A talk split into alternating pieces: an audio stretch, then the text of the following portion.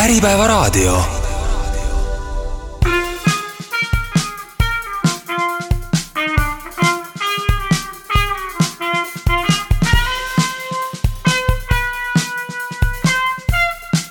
Soraineni sagedus, mitu arvamust, üks eesmärk. tere tulemast kuulama Soraineni sagedust, mina olen Maarja Sõrm, minuga on siin täna Kaubo Lepasepp. ja meil külas on kaks head kolleegi Sorainenist, Triin ja Albert, tere! tere! tere! Ja tänase saate teemaks on modernne abielulahutus ehk siis osanikevahelised vaidlused.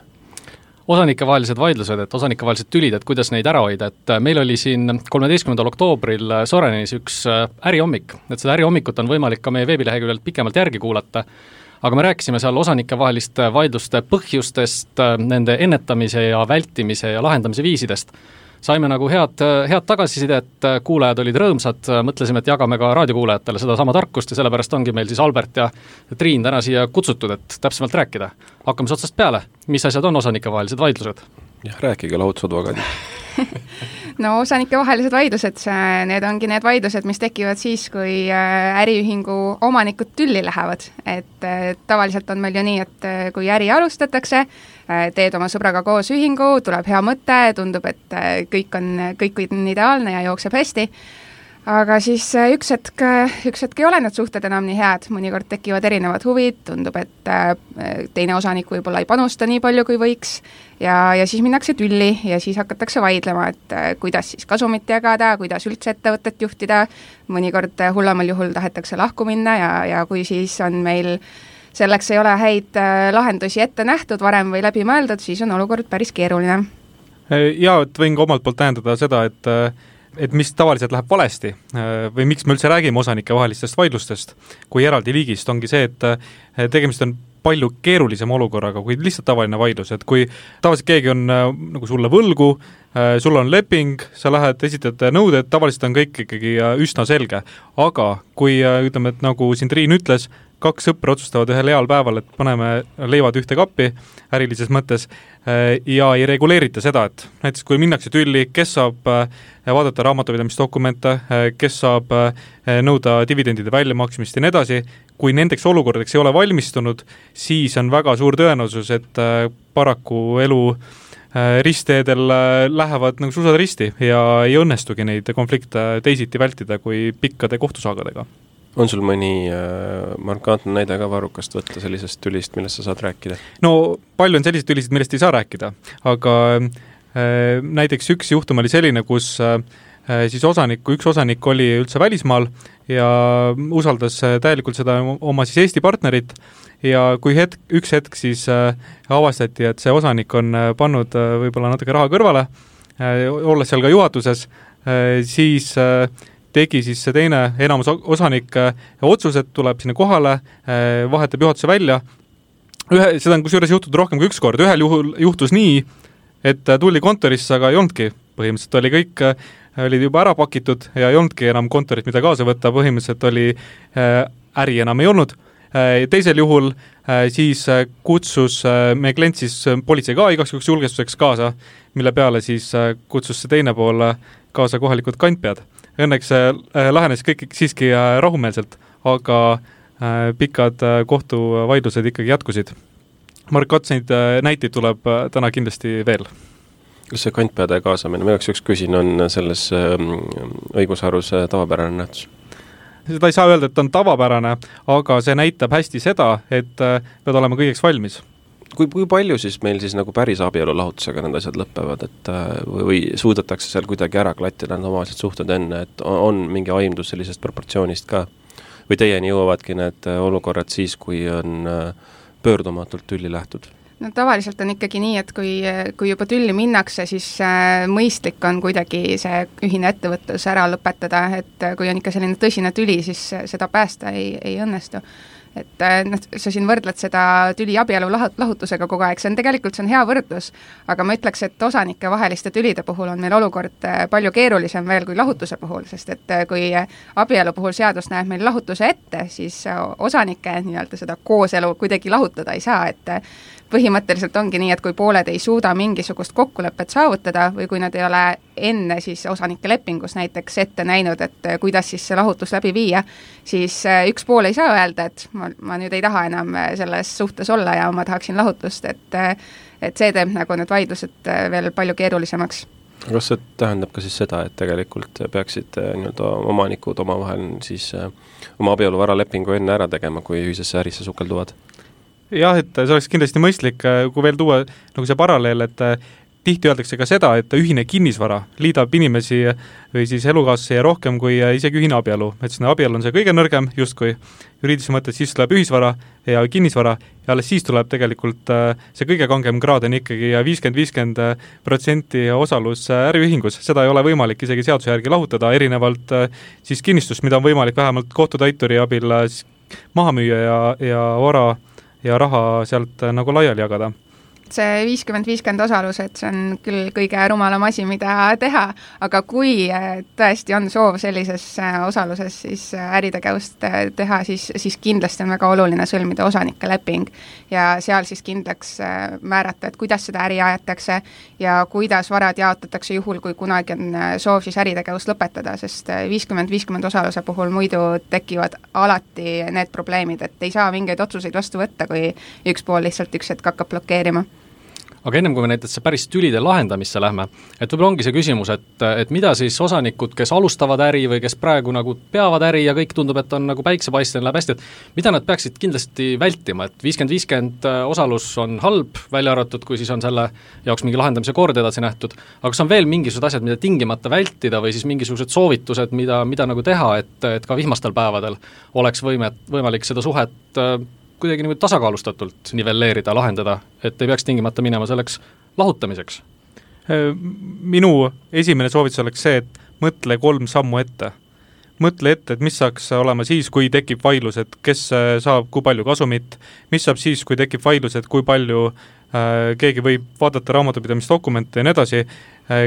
kõige suurem probleemide allikas on see, et lihtsalt ei mõelda nendele olukordadele ette. ja kõige suurem vaenlane on ebaselgus reeglina on nii, et kui alguses teha see eeltöö ära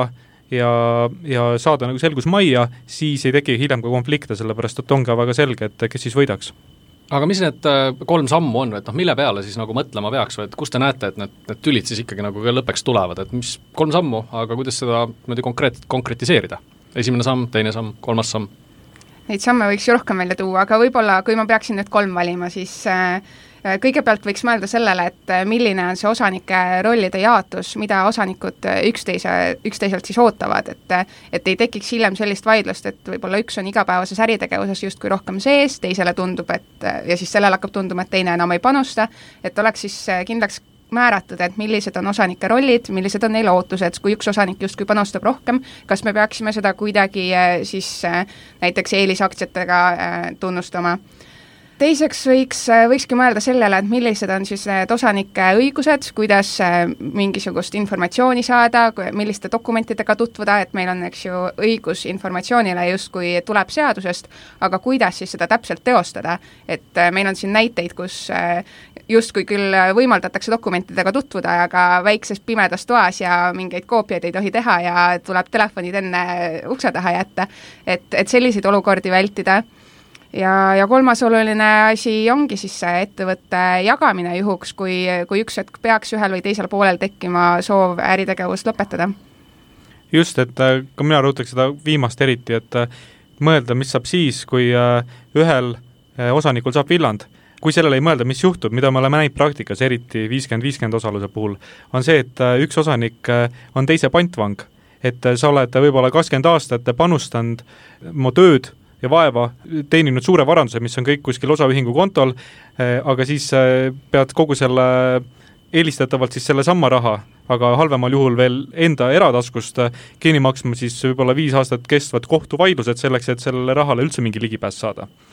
see on kindlasti kõige olulisem, et mõelda, mis saab siis, kui, kui ei soovi enam selles äris osaleda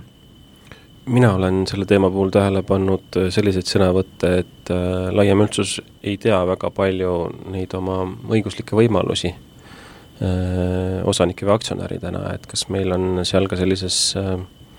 ütleme siis õigushariduses või, või ütleme siis, et isikud ei tea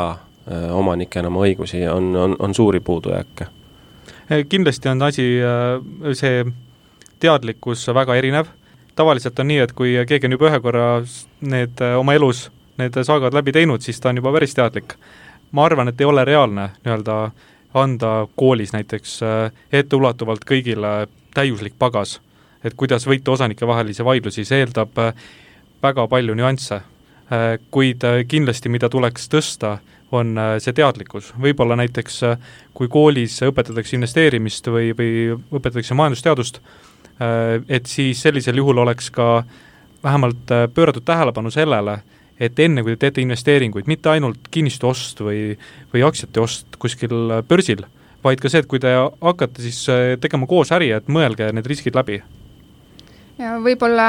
on meil ka seadus siin natuke puudulik, et siin on äh, tegelikult pikka aega arutatud, et äh, kuidas ja milliseid võimalusi seadusesse juurde lisada nii-öelda, et noh, miks me siin räägime kogu aeg sellest osanike lepingust. Ja, ja samamoodi põhikirjast ongi see, et äh, seadus tegelikult ei näe nende keeruliste olukordade jaoks praegu lahendusi välja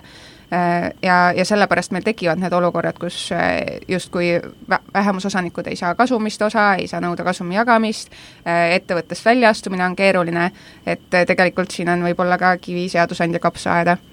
ma olen kuulnud mingisugusest salapärasest eelnõust, mis Justiitsministeeriumi sahtlites nagu mitmeid aastaid tolmleb, et kas on lootust võib-olla lähiajal siis näha arenguid? sellest, sellest eelnõust me oleme kõik kuulnud väga pikka aega äh, lootustandvate teadet, teadetega, kuid äh, kahjuks mida ei ole, on tulemus. et äh, väga raske on ka ennustada täpselt, mis nüüd saab, äh, see on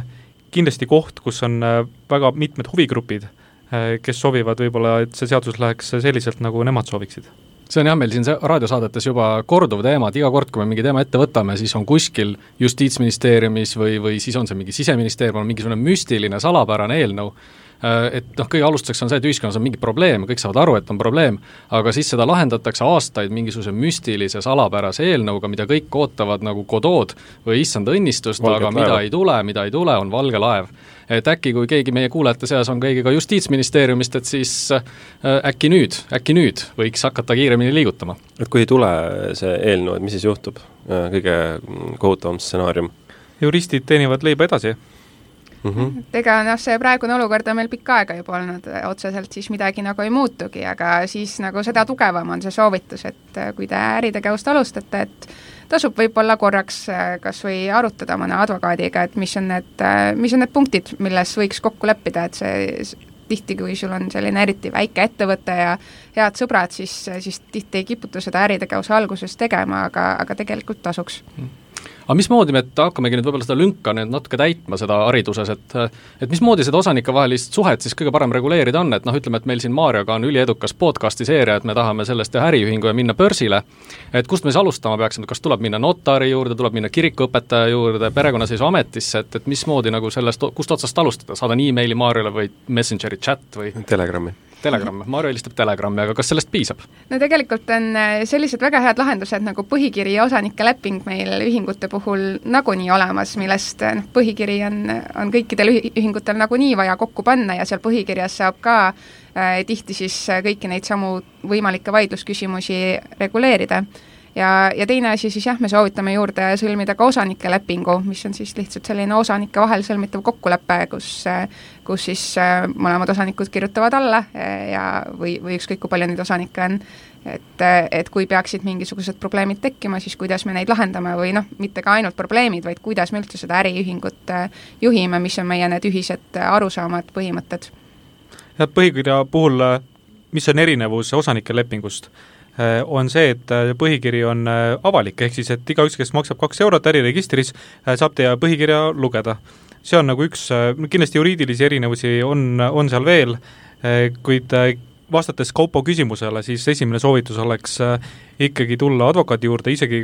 lihtsalt nõu küsima või hinnapakkumist kas või küsima, et kas üldse tasub siin midagi teha. et äh, siis saab ära kaardistada, et mis need kõige kriitilisemad kohad on, võib-olla ei peagi midagi väga äh, keerulist tegema, teie podcasti näiteks äh, äri puhul äh, võib-olla täitsa piisab aha. põhikirjast äh, ja paarist, paarist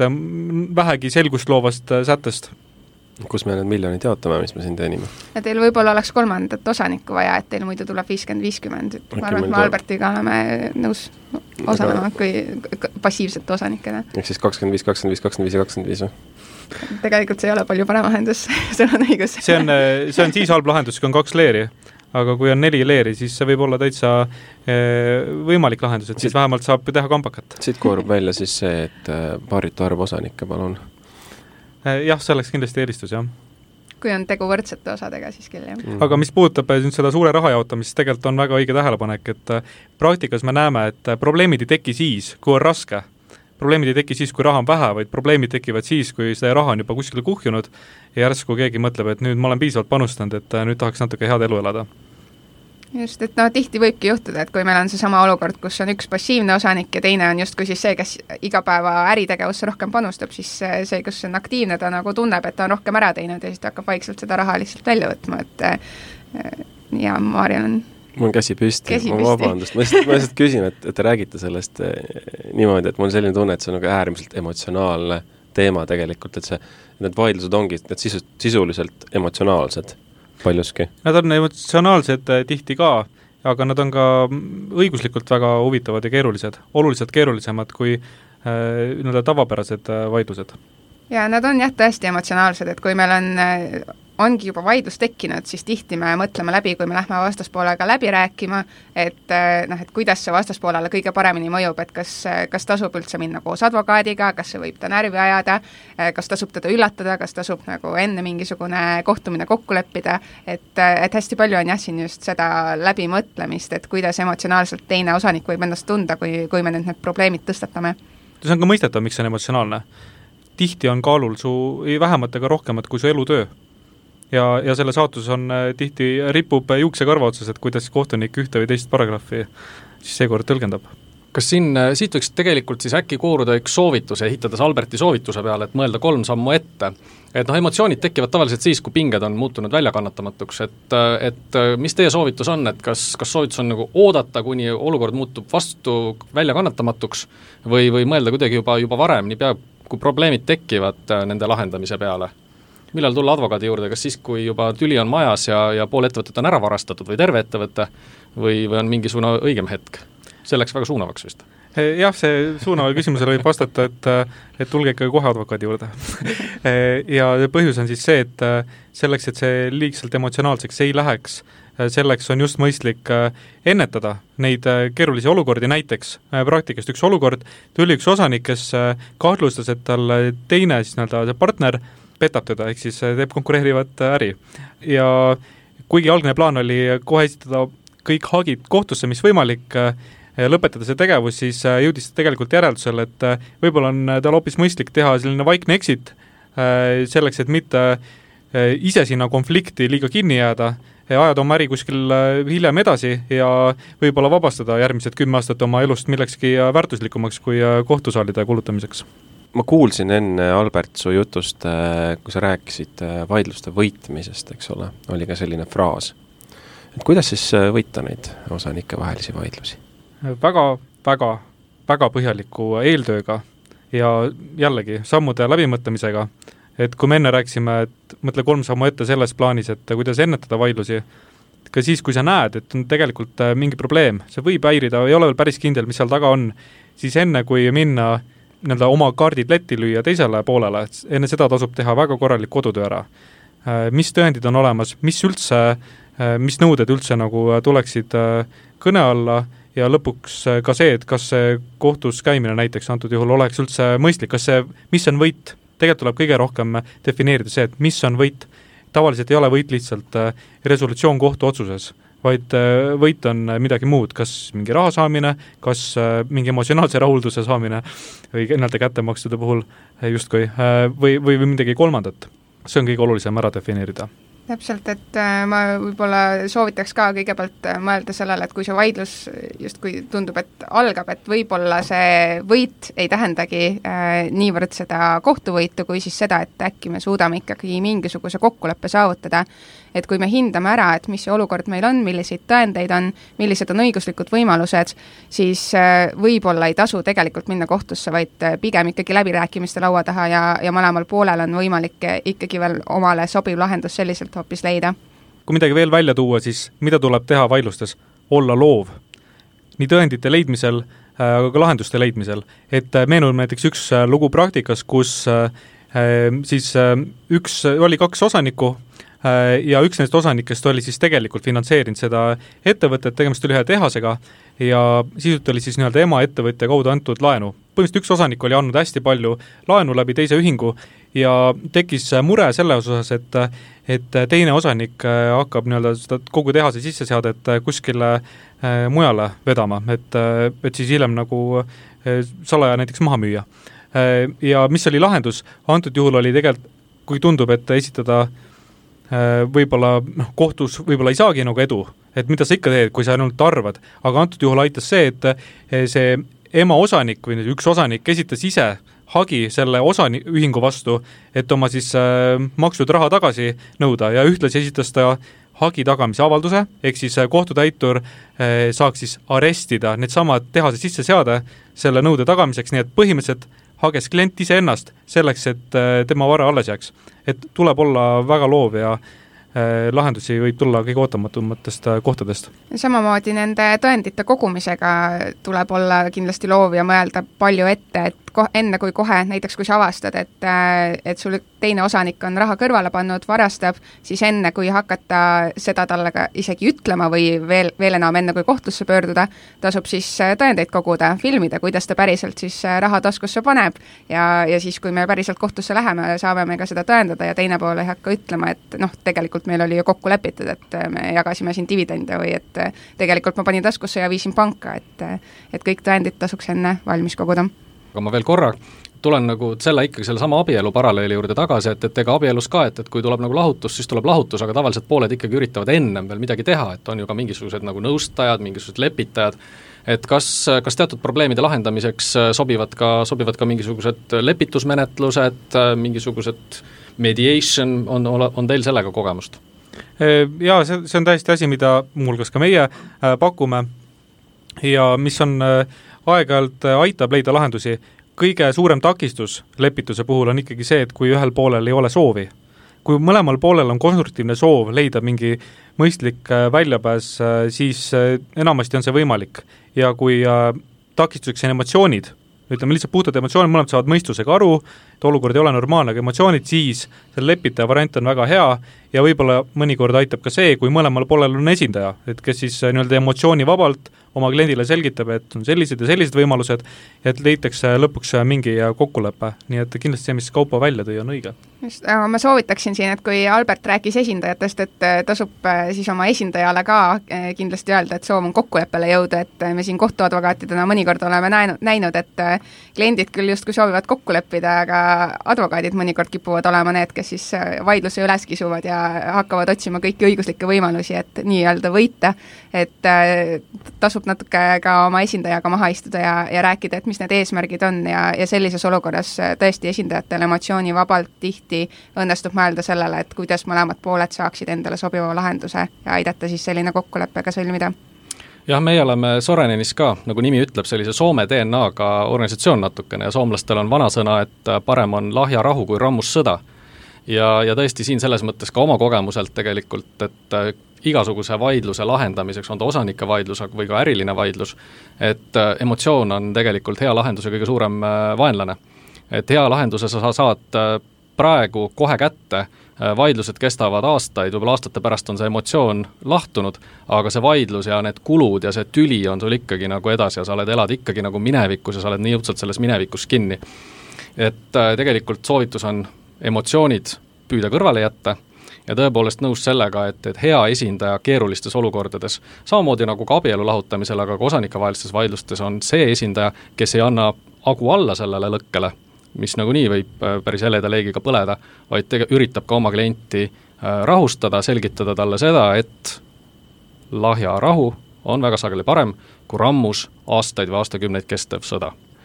Esimeses äh, saate pooles jäi kõlama üsna palju see, et see viiskümmend, viiskümmend osanike vaheline jaotus on kurja juur, et aga kui meil ongi nüüd niimoodi, kui mul, me teeme selle üliägeda podcast'i sarja börsi debüüdi, eks ole, ja siis meil on see viiskümmend, viiskümmend hea kolleegiga siin vasakul käel, et kuidas me sellest üle saame siis?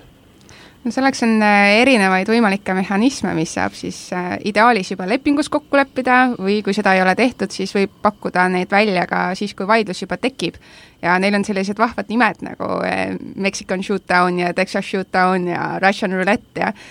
sisult noh, eks nad ongi jah, sellised, et kui me oleme juba väga-väga tülli läinud, siis kuidas me need osalused jagame et äh, noh, näiteks äh, Texas Shootout ongi see, et äh, mõlemad pooled esitavad siis ümbrikus oma pakkumised, kui noh, viiskümmend, viiskümmend osaluse eest, kui palju nad on nõus selle eest maksma. ja siis võidab see, kes pakub rohkem, see siis ostab teise poole osaluse ära selle hinnaga, mida ta pakkus. või näiteks Russian Roulette on see, et üks pool esitab siis, ütleb hinna ja teine pool ütleb, kas ta ostab või müüb selle hinnaga. et need on siis sellised lahendused, kui me jah, tahame kuidagi siis äh, kas ühe poole või teise poole välja osta sisuliselt. aga Mexican Shootout? no Mexican Shootout on äh, selline vahepealne, et seal pakutakse kõige madalam hind, millega sa oled nõus äh, enda osaluse siis ära müüma. ja siis võidab see, kes pakub kõige madalama hinna ja tema siis ostab vastaspoole välja. Aga mõnikord on nii, et ka need lahendused ei aita, sellepärast et ka need eeldavad kokkulepet et äh, kui oled sellises olukorras, et oled siin Kaupoga näiteks nii tülli läinud, et äh, ei õnnestu ka näiteks äh, Vene ruletis kokku leppida, siis tasub mõelda, et mis on teised alternatiivid ja tavaliselt ongi ainus võimalus siis proovida oma läbirääkimiste positsiooni suurendada või, või parandada ja ikkagi sundida ühel või teisel viisil teine pool kompromissini. Me kindlasti jõuame noh, siia erinevate tööriistadeni, et mida siis kasutatakse, aga tihti on see, et võidab see, kellel on kõige rohkem padruneid, ehk siis kes jaksab kõige kauem neid vaidlusi pidada, eh, kes jaksab eh, nendesse vaidlustesse investeerida, sellepärast et eh, tavaliselt varem või hiljem need lõpevad ühe poole väsimisega. hukkumisega. no võib ka nii dramaatiliselt äh, Äh, sõnastada, loodetavasti siiski nii halvasti ei lähe. ehk siis kellel on äh, parem pingetaluvus ja rohkem raha, see lõpuks võib äh, edukaks osutuda? või kellel on rohkem kantpäid selja taga? no loodetavasti, õnneks mõnikord saab neid kantpäid ka selle tellija vastu ise ära kasutada, et selles mõttes ei pruugi alati olla edu võti no see on natuke ka see, et kuidas sa defineerid edu jälle, et isegi kui sa oled kogu selle vaidluse läbi teinud ja teise poole ära kurnanud ja lõpuks sealt võitjana välja astud, siis sa võid ise ka nii väsinud olla, et kas see siis oli nüüd see edu, siis enamasti ikkagi lõpuks kõik osanikud mõtlevad, et lihtsam oleks olnud ju alguses ikkagi kokku leppida, kui on kõik need kohtuuksed kulutatud ja palju raha magama pandud. Et aga, aga noh, muidugi emotsioonide, kui emotsioonid on laes, siis alguses seda mõista on tihti keeruline okei okay,, aga no nüüd tuleb välja, et ikkagi kõik on nagu läbi proovitud, et me oleme nagu siin Marioga rääkinud, me oleme rääkinud, noh, Mario vaatab niimoodi küüniliselt, et noh, tegelikult sa ei rääkinud ju minuga midagi, see kõik oli näitemäng, on ju. kantpead olid selja taga, eks ole, mõlemal pool. no kantpead on tegelikult ju teema, mis on ikkagi jäänud nagu sellistesse üheksakümnendatesse, et me kõik tahame nagu mängida selliseid metsikuid mehi, aga noh, tegelikult oleme me lihtsalt paper pusher'id ja paberimäärijad ja töötame ikkagi õiguslike instrumentidega õrnade advokaadi kätega siin ei ole ühtegi villi mm. -hmm. ja, ja et, et, et selles, selles ruumis, et, et noh, mida siis nagu, mida siis nagu, nagu teha, et, et me jõudsime selleni, et ükski vaidlus meil lahen-, vaidlus on suur, tuleb minna kohtusse. sina, Triin, meie ärihommikul koos Kati Rohtlaga pidasid ettekande teemal, kelle kohus, kelle õigus et mõtlesin, et kas jälle on üheksakümnendad tagasi, et kantpead on ja siis kelle kohus, kelle õigus, et kas jälle on niimoodi, et, et kellelgi on oma kohtunik kuskil mingisuguses maakohtus, kes teeb äh, talle soodsaid otsuseid või, või mida sa seal oma ettekandes silmas pidasid? no päris nii ei ole, et, et oma kohtunik, aga küll on, äh, võib-olla oma kohus, eks ju, et Äh, jälle üks asi, milles ideaalis te olete lepingus ilusti Marioga kokku leppinud, on see, et millisesse kohtusse te lähete, kui te vaidlema hakkate. kas te lähete siin mhm. tavaliselt okay. näiteks Harju maakohtusse või lähete te mõnda vahekohtusse hoopis, vahekohtus saab ilusti konfidentsiaalselt vahe, vaidlused ära pidada, keegi meediast teada ei saa, et te üldse tülis olite ähm, seal on jah, neid aspekte, millele, millele mõelda päris palju, kui valida, millises kohtus te neid vaidlusi pidada tahate, et tihti, kui, kui tekib selline mammutvaidlus, kus tuleb minna mitmete erinevate asjadega kohtutesse, siis tasub mõelda ka sellele, et mõne vaidluse puhul näiteks on ette nähtud juba konkreetne kohus. et kui te näiteks vaidlustate organite otsuste kehtivust, siis te peate minema äriühingu registri asukoha järgi kohtusse ja kui teil siis selle vaidlusega seoses on mingisuguseid muid vaidlusi näiteks veel, siis praktikas me olemegi näinud olukordi, kus võib-olla nende jaoks on kokku lepitud hoopis vahekohtu alluvus või siis veel mõne teise riigi kohtu alluvus ja siis sisuliselt äh, sellesama vaidlusega tegutsevad korraga viis-kuus erinevat kohut. et äh, noh, selliseid olukordi tasub vältida enamasti, kui mõni, mõnikord võivad nad ka kasuks tulla, kui, kui äh, ongi siis plaan menetlust näiteks venitada või, või see ühele või teisele poolele kasulik on. aga jälle jah, tasub äh, lepingus juba läbi mõelda, et millisesse kohtusse vaidluse korral pöörduda. Võib-olla on äh, kuulajatele üllatuseks, aga et Eesti kohtusüsteemis on ka selline asi täiesti võimalik. Ja seda on ka praktikas päris tihti juhtub, on see, et isegi kui näiteks Eesti kohus on pädev mingit vaidlust lahendama, aga ikkagi on võimalik sellele kohaldada ka välisriigi õigust. Eh, see tähendab siis praktikas seda, et kui muidu peaksid pooled eh, tooma esile faktid ja tõendid, et oma nii-öelda nõudeid tõendada, siis lisaks sellele peavad nad tõendama ka seda, et mida, ma ei tea, kuskil Poola või, või, või Inglismaa näiteks kohtud mingis küsimuses arvavad, kuidas nad mingit sätet seal kohalikus õiguses kohaldavad ja mõnikord tuleb ka välisekspert kaasata, et ka selline kurioosum on võimalik, kindlasti tasub seda kulude mõttes vähemalt vältida. Need välisriigi õiguse vaidlused tihti tekivadki just siis, kui asjal on mingisugune välisriigi element juures, et noh, näiteks kui äh, mõne välisriigi osanikuga koos ettevõtte teete, siis see on nagu selline lihtne, lihtne situatsioon, aga, aga need olukorrad võivad tekkida ka lihtsalt siis, kui te välisriigis teenust osutate. et äh, tasub, tasub sellele mõelda. kas äh, sinna patta lisanduvad ka siis äh, kohaldatava õiguse küsimused, et äh, me võime siis võidelda äh, ma saan aru, kuues erinevas kohtus või tribunalis, aga ka mitme erineva riigi või jurisdiktsiooni õiguse alusel? No täpselt nii ja, ja nii need vaidlused võivad minna veel eriti keeruliseks, et kui äh, mõne õiguse järgi küsimused lahenevad ühtepidi ja teise, teise õiguse järgi siis teistpidi, et äh, siis lõpuks ongi see, et kes kiiremini äh, kohtusse jõuab ja, ja oma vaidluse lõpuni vaieldud saab, siis see, see saab mõnikord ka endale sobiva lahenduse. kui nagu täiendada, et miks osanike vaidlused on eripärased, on see, et kui tavaline vaidlus on üks probleem, siis äh, osanike vahelisest vaidlusest võib saada kobarprobleem, et äh, sul tekib neid vaidlusi mitte üks ega kaks, võib-olla ka kuus ja nagu siin Triin välja tõi, et halvemal juhul on need, äh, neid peetakse ka erinevates riikides. kõik sammud, mida sa teed, võidakse kasutada sinu vastu ja samamoodi kõik sammud, mida sa jätad tegemata, võidakse kasutada sinu vastu. see tähendab praktikas osanikevaheliste vaidluste puhul näiteks seda, mis tuleb võib-olla paljudele üllatusena, et äh, mõnikord on vaja äh, näiteks vaidlustada ka kõige pisemaid asju, et äh, kui osanike vahel on erimeelsus, kas konkreetne juhataja näiteks, kes on ka mõnikord osanik,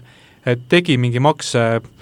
nii-öelda nii, et tal oli õigus seda teha või, või ta lihtsalt kantis raha, siis äh, ei piisa sellest, et üks osanik võtab pähe ja nüüd esitab hagi, vaid sellisel juhul tihti kutsuvad mõlemad pooled kokku nii-öelda omapoolsed üldkoosolekud ja siis, kui sa jätad õigel ajal õige koosoleku otsuse näiteks vaidlustamata, siis äh, pahatihti ja hiljem leiab kohus, et et ka sisulises plaanis sul polegi õigust, sa oled oma õigused ära andnud, sellepärast et sa magasid mingi tähtaja maha. ohoo, mingid tähtajad on, mis need tähtajad on, mida silmas pidada siis? no näiteks äh, osanike vahelistes vaidlustes on äh, tihti oluline, kui kutsuvad kokku osanikud üld, üldkoosoleku, selle otsuse peab vaidlustama, kui ma ei eksi nüüd peast öeldes, kolme kuu jooksul hiljemalt Ehm, ja kui sa jätad selle tegemata, siis ei ole võimalik ka pärast tugineda sellele, et et see otsus oli äh, tegelikult näiteks äh, kuidagi riivas kellegi õigusi. Sest et me oleme praktikas näinud olukordi, kus äh, mõnikord osanik siis ise ei lähe sinna üldkoosolekule, et noh, ta on küll kutse saanud, aga ta on ka selline passiivsem osanik ja ta ei lähe. Ja hiljem saab teada, et oi, sellised otsused on vastu võetud. Ja siis ta tuleb pool aastat hiljem meie juurde, et noh, tahaks kuidagi vaielda, et noh, nii, nii halvad otsused ju, et kuidagi peab ju saama. ja siis me kahjuks peamegi ütlema, et no tegelikult ei saa, sest et äh, kutse sulle toimetati kätte, koosolekule sa ise ei läinud ja nüüd see kolm kuud on ka möödas, et, et tõepoolest nüüd enam ei olegi midagi teha see tööriistakast on tegelikult nagu hämmastavalt lai. et kui lihtsalt võtta üks näide, et kui on õnneks mitte see viiskümmend, viiskümmend protsenti osalus, aga ütleme, viiskümmend üks ja nelikümmend üheksa protsenti osalus seal osaühingus, siis teatud juhtudel on võimalik esitada kohtule hagi, et see vähemusosanik äh, oma osa ära annaks aga tihti ja noh, ei ole lihtsalt võimalik nii, et äh, võtan pähe, lähen täna kohtusse, vaid sellele järgneb või sellele eelneb pikk eeltöö, nagu ma ütlesin, et kõik sammud, mis te teete või jätate tegemata, kasutatakse teie vastu, see puudutab ka seda, et mis, milline on näiteks teievaheline vaidlus, äh, kirjavahetus. Äh, kuidas, milliseid sõnumeid saadate Whatsappis või, või Messengeris või, või emailis, mis kontekst neile hiljem kuskil kohtusaalis antakse, sellele kõigele tuleb mõelda siis, kui näete, et vähegi mingi probleem on tekkimas. et nagu Triin ütles, et parem on kiirustada, et parem on tegutseda kohe, kui selle asemel, et avastada siis kuid hiljem, et on mõni tähtaeg maha magatud. mulle tegelikult meenus üks äh, nüanss, mis, mida me täna ei ole puudutanud väga välja arvatud kantpeade kontekstis on ähm, kuidas siis äh, näiteks see mm, suurepärane kri-, kriminaalmenetlus võiks siin mängu astuda või mõni muu äh, äh riigi jõuväljendus? jaa, no neid erinevaid menetlusi tihti kasutatakse samamoodi, et kui tekib see kobarvaidlus, siis sa mõtled, et kust nurga alt veel saaks vastaspoolt rünnata ja siis sa vaatad, et kui vastaspool näiteks on olnud juhatuses, et äh, kas ta võib-olla maksude seisukohalt on äh, midagi valesti teinud või noh, loomulikult kui, kui ta on raha kõrvale pannud, siis sealt äh, leiab ka siis kohe kuriteod, mille osas esitada siis kuriteokaebus et äh, loomulikult äh, õigusorganid, äh, prokuratuur ja politsei ei ole seal selleks, et osanike vahelusi vaidlusi lahendada, küll aga mõnikord, kui neil vaidlustel on puutumus kriminaalmenetlusega ja tõepoolest vastaspool on kuriteo toime pannud, siis tasub mõelda, et kas lisaks sellele, et esitada tema vastu siis tsiviilkohtusse nõue, tasuks ka kuriteokaebus esitada ja, ja mõnikord need vaidlused niimoodi hakkavad siis üksteist toetama, et et kui juba on leidnud kohus, et, et kuritegu on toime pandud, siis parandab see siis teise osaniku nii läbirääkimispositsiooni kui siis ka olukorda siis kohtumenetluses. number üks soovitus, mida me anname klientidele, kes tulevad selle äh, osanike vahelise konfliktiga, on see, et tee oma kapid luukeredest tühjaks. kui äh, sinu vastu on äh, midagi võimalik pärast ära kasutada, siis seda kindlasti kasutatakse või vähemalt ähvardatakse selle äh, kasutamisega ja äh, kui nii-öelda mõlemad pooled on patustanud, siis on väga lihtne näidata vastaspoolel ka sinule näpu, näpuga. et selle asemel kindlasti on väga oluline see, et et vastaspoolel ei oleks mingit alust, nagu sisulist alust, isegi kui ta esitab, minna siis politseisse näiteks sinu vastu. ma olen Albertiga selle koha pealt väga nõus, et et no mis seal salata, et ma mõnikord ise ka nende osanikega, osanikevaheliste vaidlustega kokku puutun ja, ja pahatihti, kui jõutakse advokaadibüroosse, siis on suhted juba nii sassis, et et üks on midagi nagu nihverdanud ja teine on vastu nihverdanud ja siis on nagu kokku on selline üks suur selline puntratants või rotikuningas. et polegi nagu võimalik enam selgeks teha, et, et kes alustas ja, ja kes tegelikult siis nagu see hea ja õige on et, et jällegi tulles tagasi selle soovituse juurde, et noh, emotsioon ei ole parim abimees, et, et kui sa näed, et, et et äh, osanik teeb sul natukene valskust, et siis esimene samm võiks olla ikkagi see, et, et kohe selle valskusega võidelda, mitte hakata, mitte hakata ise nagu vastuvalskust tegema, sest noh, lõpuks see, see allakäiguspiraal võib olla nagu ääretult ebameeldiv äh, kõigi osapoolte jaoks. emotsioon ei ole hea sõber ja see kriminaalmenetlus võiks ikkagi olla selline viimane abinõu, kui muu enam ei aita, sellepärast et eh, noh, kui juba kuriteokaebus esitada ja kriminaalmenetlust alustatakse, siis see menetlus sisuliselt hakkab seal oma elu elama ja pooled ei saa seda enam kontrollida et kui siis ka juhtub nii, et näiteks aasta pärast äh, tegelikult äh, emotsioonid on lahtunud, soovitakse kuidagi kokku leppida, siis äh, see kriminaalmenetlus selle ühe poole vastu on seal ikkagi üleval ja see võib siis saada takistuseks sellel poolel siis kokkuleppe sõlmimisest, sest et noh, te-, temal on riskid alles, tema, tema vastu võib tulla kriminaalmenetluses veel kahjulik otsus. üks asi, mida ma lisaksin kriminaalmenetlusega seoses, on see, et üldine arusaam on see, et natukene ülehinnatakse võib-olla Äh, siis äh, seda tööriista, et äh, politsei, politsei võimekust uurida keerulisi asju. paraku on nii, et ja sellele on ka näiteks peaprokurör juhtinud tähelepanu täiesti ausalt, et et Eesti Vabariigis on tegelikult, ei ole prioriteet võib-olla väga suuri, suurtele majanduskuritegudele liiga palju ressurssi võib-olla panna ja mõnikord lõpeb see ka nii, et isegi kui su-, summad kündivad miljoniteni ja tehakse kõik võimalik, et nii-öelda lihtsustada seda menetlust, siis ikkagi läheb aastaid, võib-olla läheb kolm aastat, võib-olla läheb isegi viis aastat, enne kui asi jõuab kohtusse. ehk siis ei tasu eeldada seda, et äh, et eh, kohe, kui ma nii-öelda lähen politseisse, et siis eh, järgmisel päeval on sellel teisel osanikul, kes on siis pätti teinud, käed raudus ja, ja siis läheb elu niiviisi edasi, et, et see enamasti nii ei ole, see tuleb väga täpselt kaaluda läbi, et kas antud juhul on sel kuriteokaebusel mõtet või ei ole just, et politsei ja prokuratuur tegelikult ikkagi eeldavad seda, äh, et kannatanu teeb nendega väga tihedalt koostööd ja aitab neil tõendeid leida. et äh, ei tasu loota seda, et esitan kaebuse ära ja noh, siis ma ise enam selle probleemiga ei tegele, politsei lahendab selle minu eest ära. Jah, et, et see karistusvõim, nagu ma ütlesingi, karistusvõim, tema eesmärk on karistada, eks, et tema tegelikult ei lahenda mingisugust probleemi ära, et tema tuleb, astub sulle lihtsalt riigivõimu saapaga peale sellele, kes on midagi rikkunud, aga ta ei lahenda ikkagi ära seda osanikevahelist äh, tüli aga osanikevahelistest tülidest edasi minnes, et me siin Marioga vahepeal ka paralleelselt räägime läbi oma osanike, osanike lepingut ja ja Mario saatis mulle drafti, drafti on sisse kirjutatud see, et peaksime Stockholmi arbitraažis omavahelisi vaidlusi lahendama, et mm, ma ei tea, mida ma nüüd sellest arvama peaksin. Jaa, no vahekohtud on jaa, sellised toredad kohad, kuhu saab minna tavakohtu asemel et äh, mõnikord on need kasulikud, sest äh, tavakohtus äh, me teame, et menetlus võtab tihti palju aega, meil on kolm kohtuastet, mis tuleb läbi käia, vahekohtus asi on võib-olla mõnevõrra lihtsam, et meil on ainult üks menetlus, kus siis asi lahendatakse lõplikult ära ja enam kuhugi kaevata ei saa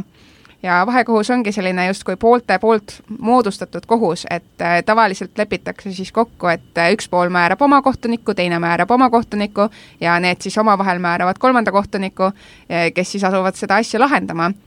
Ja, ja mis on selle eelis veel, võib olla see, et need kohtunikud, kelle me valime, nende puhul me saame siis kontrollida, et nad päriselt seda valdkonda väga-väga hästi tunnevad sest äh, tavakohtus võib juhtuda nii, et äh, kui me, kui meil on selline väga keeruline vaidlus, et kohtunikud tegelikult ei ole väga spetsialiseerunud, et nad lahendavad küll ühte tüüpi vaidlusi, aga seesama kohtunik, kes tuleb meie osaniku vaidlust lahendama, võib-olla eile lahendas mingit äh, perekonnavaidlust. kuigi jah, me rääkisime, et seal paralleele on palju, nii et see ei pruugi ka, ei pruugi ka alati halb asi olla. aga, aga jah, vahekohtunike puhul nad tavaliselt ongi spetsialiseerunud siis konkreetselt näiteks osanike vaidlustele ja kui läheb eriti hästi, siis nad veel tunnevad ka teie ettevõtte äritegevuse valdkonda süvitsi, nii et see võib äh, mõnikord olla eeliseks aga kindlasti, mis oleks kõige halvem nõue, mida teile sinna osanike vahelisse drafti äh, pakkuda äh, või osanike lepingu drafti pakkuda, on see, et te kirjutate sinna lihtsalt, et vaidlused lahendatakse Stockholmi arbitraažis. et tegelikult on rida küsimusi, mis sellisel juhul parem oleks üldse see siis äh, ära jätta, et, et siis nagu seaduse alusel hinnata, et mis kohus siis üldse pädev on, äh, aga kui on juba soov vahekohtusse minna, et siis peaks minema natuke täpsemaks, määrama ära, et kes, kuidas see tribunal määratakse, äh, kus füüsiliselt see vaidlus lahendatakse, see, et Stockholmi arbitraažis see lahendatakse, ei tähenda seda, et see füüsiliselt alati Stockholmis peab toimuma, mis keel üldse kohaldub, mis õigus kohaldub ja nii edasi, et, et neid nüansse on veel, mis tuleb välja mõelda, et Soranis me oleme ka välja pakkunud äh, ka näidis, äh, näidisklauslid, et kes soovib vaadata meie seda osanikevahelist veebiseminari äh, järgi, seal on välja toodud ka näidis lau-, nii-öelda näidissõnastused. ussisõnad ussisõnad jah, juristid, juristide poolt koostatud ussisõnad, mida soovitame kasutada. aga teie puhul, kui te nüüd sinna Stockholmi arbitraaži tahate minna, et ma ei tea, ma võib-olla ikkagi ei soovitaks väga, sellepärast et see on äh, päris kallis, et äh, Stockholmi arbitraaži puhul, kui, kui te seal oma, oma probleeme lahendama lähete, siis te peate ikka arvestama, et need probleemid ka ise peavad äh, väärt olema seda, et te kannate päris, päris suuri kulusid, mis ületavad ikkagi kordades ja kordades seda, mida te Eesti kohtumenetluses kannate. no meil on Eesti teiseks populaarsem podcast. no aga, aga okei okay,, aga, aga siit ega selles mõttes, et tõesti, et, et nagu ükskõik, millise kivi alla me vaatame siin osanike lepingust, tuleb välja, et seal on teine universum lausa peidus, väga detailne ja keeruline ja mulle tundub, et võib-olla meil Marioga, kes me oleme sellised alustavad ettevõtted, et ei ole meil veel ettevõtet ja IPO plaanid on ka tegelikult suhteliselt ikkagi udused, et võib-olla meil tasub tegelikult omavahel kokku leppida mingisugused lihtsamad reeglid, võib-olla alustuseks piisab ka sellest, mis tuleb sellest äriregistri äh, põhikirjast, aga et kui meil see asi hakkab nagu rohkem nagu lendama ja, ja ettevõttel nagu tekib rohkem jumet, et siis me saame ju tegelikult kogu aeg jooksvalt töö käigus ka ju täiendada meie omavahelisi kokkuleppeid, neid detailiseerida ja, ja ühel hetkel ei ole välistatud, et me lähme veel kuskile isegi kallimasse arbitraaži kui Stockholm, äh, juhul kui see asi on meil, äri on väga edukaks läinud. Pariis võiks päris kallis olla, New York ilmselt, jah. Aga jällegi see üksi ei tähenda, et, et, et mõnikord ka Pariisi arbitraaži asjad lahendatakse näiteks Tallinnas füüsiliselt, et kõik saatan peitub detailides, nagu öeldakse. ja praegu kasutatakse palju ka virtuaalistungeid, nii et äh, meil on olnud olukordi, kus meil asja lahendab äh, Stockholmi arbitraaž äh, asukohaga Inglismaal, aga tegelikult istume meie siin Tallinnas oma kontoris ja, ja, ja osaleme video teel aga mis on huvitav erinevus vahekohtust ja tavalisest kohtust, on see, et vahekohtus ei ole vigade parandust või noh, ta on nagu peaaegu minimaalne et äh, tavaliselt äh, kui äh, nii-öelda Eestis vaieldakse tavalises kohtus, siis on vähegi keerukam vaidlus, siis see jõuab ringkonnakohtusse, mõnikord ka Riigikohtusse välja, see annab nii-öelda noh, poolel vähemalt võimaluse tuua välja, et kui midagi läks valesti. see on kindlasti nagu suur erinevus. Et seal tuleb siis final countdown ja ongi kõik ja aga samas aja kokkuhoid on meeletu, et Eesti kohtutes kohtustatistika on meil tegelikult ju päris hea et äh, kui me vaatame statistikat, siis me oleme Euroopas justkui esirinnas, äh, samas äh, tuleb arvestada selliste keerukate vaidluste puhul, te ei saa arvestada sellega, et te saate näiteks aastaga oma vaidluse algusest lõpuni äh, lahendatud, rääkimata kolmest või viiest üksteisega haukuvast vaidlusest. meil on näiteid, kus äh, tavaliselt läheb selline asi umbes kolm kuni viis aastat kokku kõigis kolmes kohtuasjas äh, või koht, ko-, kohtuastmes ja kui on keerulisem probleem, näiteks äh, te vaidlustate seda mingit koosoleku otsust selleks, et hageda omakorda mingit endist juhatuse liiget, äh, selleks, et näiteks määrata üldse advokaat, kes, kes esindaks selles hagis selle juhatuse liikme vastu, kõik on eraldi vaidlused, siis äh, need saagad võivad ka ulatuda nagu äh, kümne aastani. Ja mõnikord, nagu Triin tõi välja tänase podcasti alguses näiteks selle teabenõude puhul, et meil on ka näide, väga marka-, markantne tegelikult näide kohtupraktikas, kus äh, kohtu uksi kulutati äh, ikka aastaid ja aastaid lihtsalt selles küsimuses, et kes saab näha äriühingu äh, siis raamatupidamist ja millises mahus ja noh, lõpuks see kohtuvõit saavutati, teab õigus anti, aga siis lähed pimedasse ruumi, näiteks sulle kolm sekundit öeldakse, et kohtumäärus on täidetud.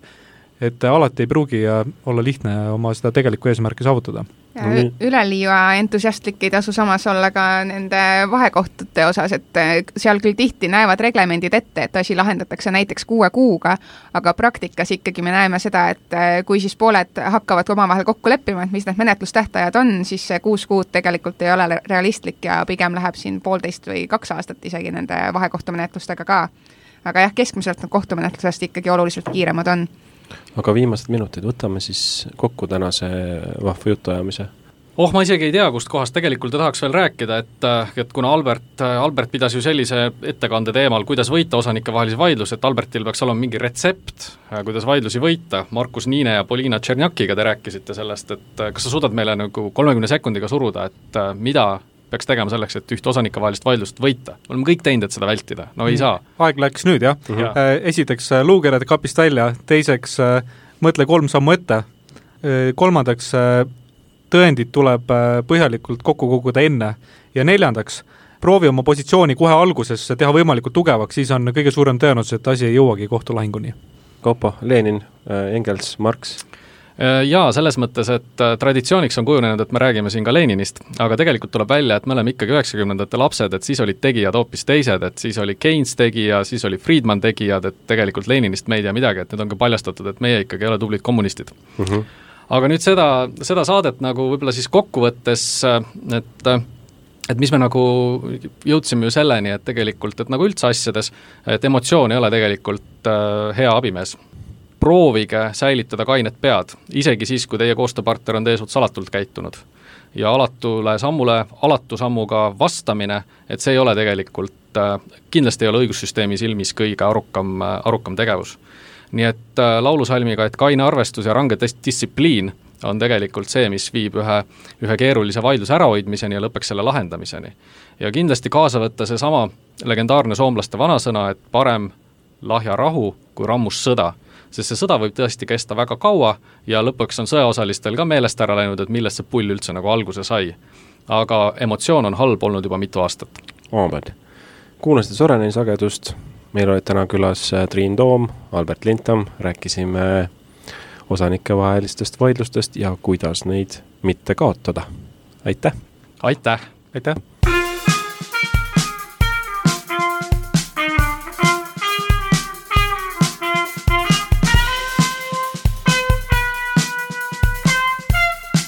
Soraineni sagedus, mitu arvamust, üks eesmärk. Äripäeva raadio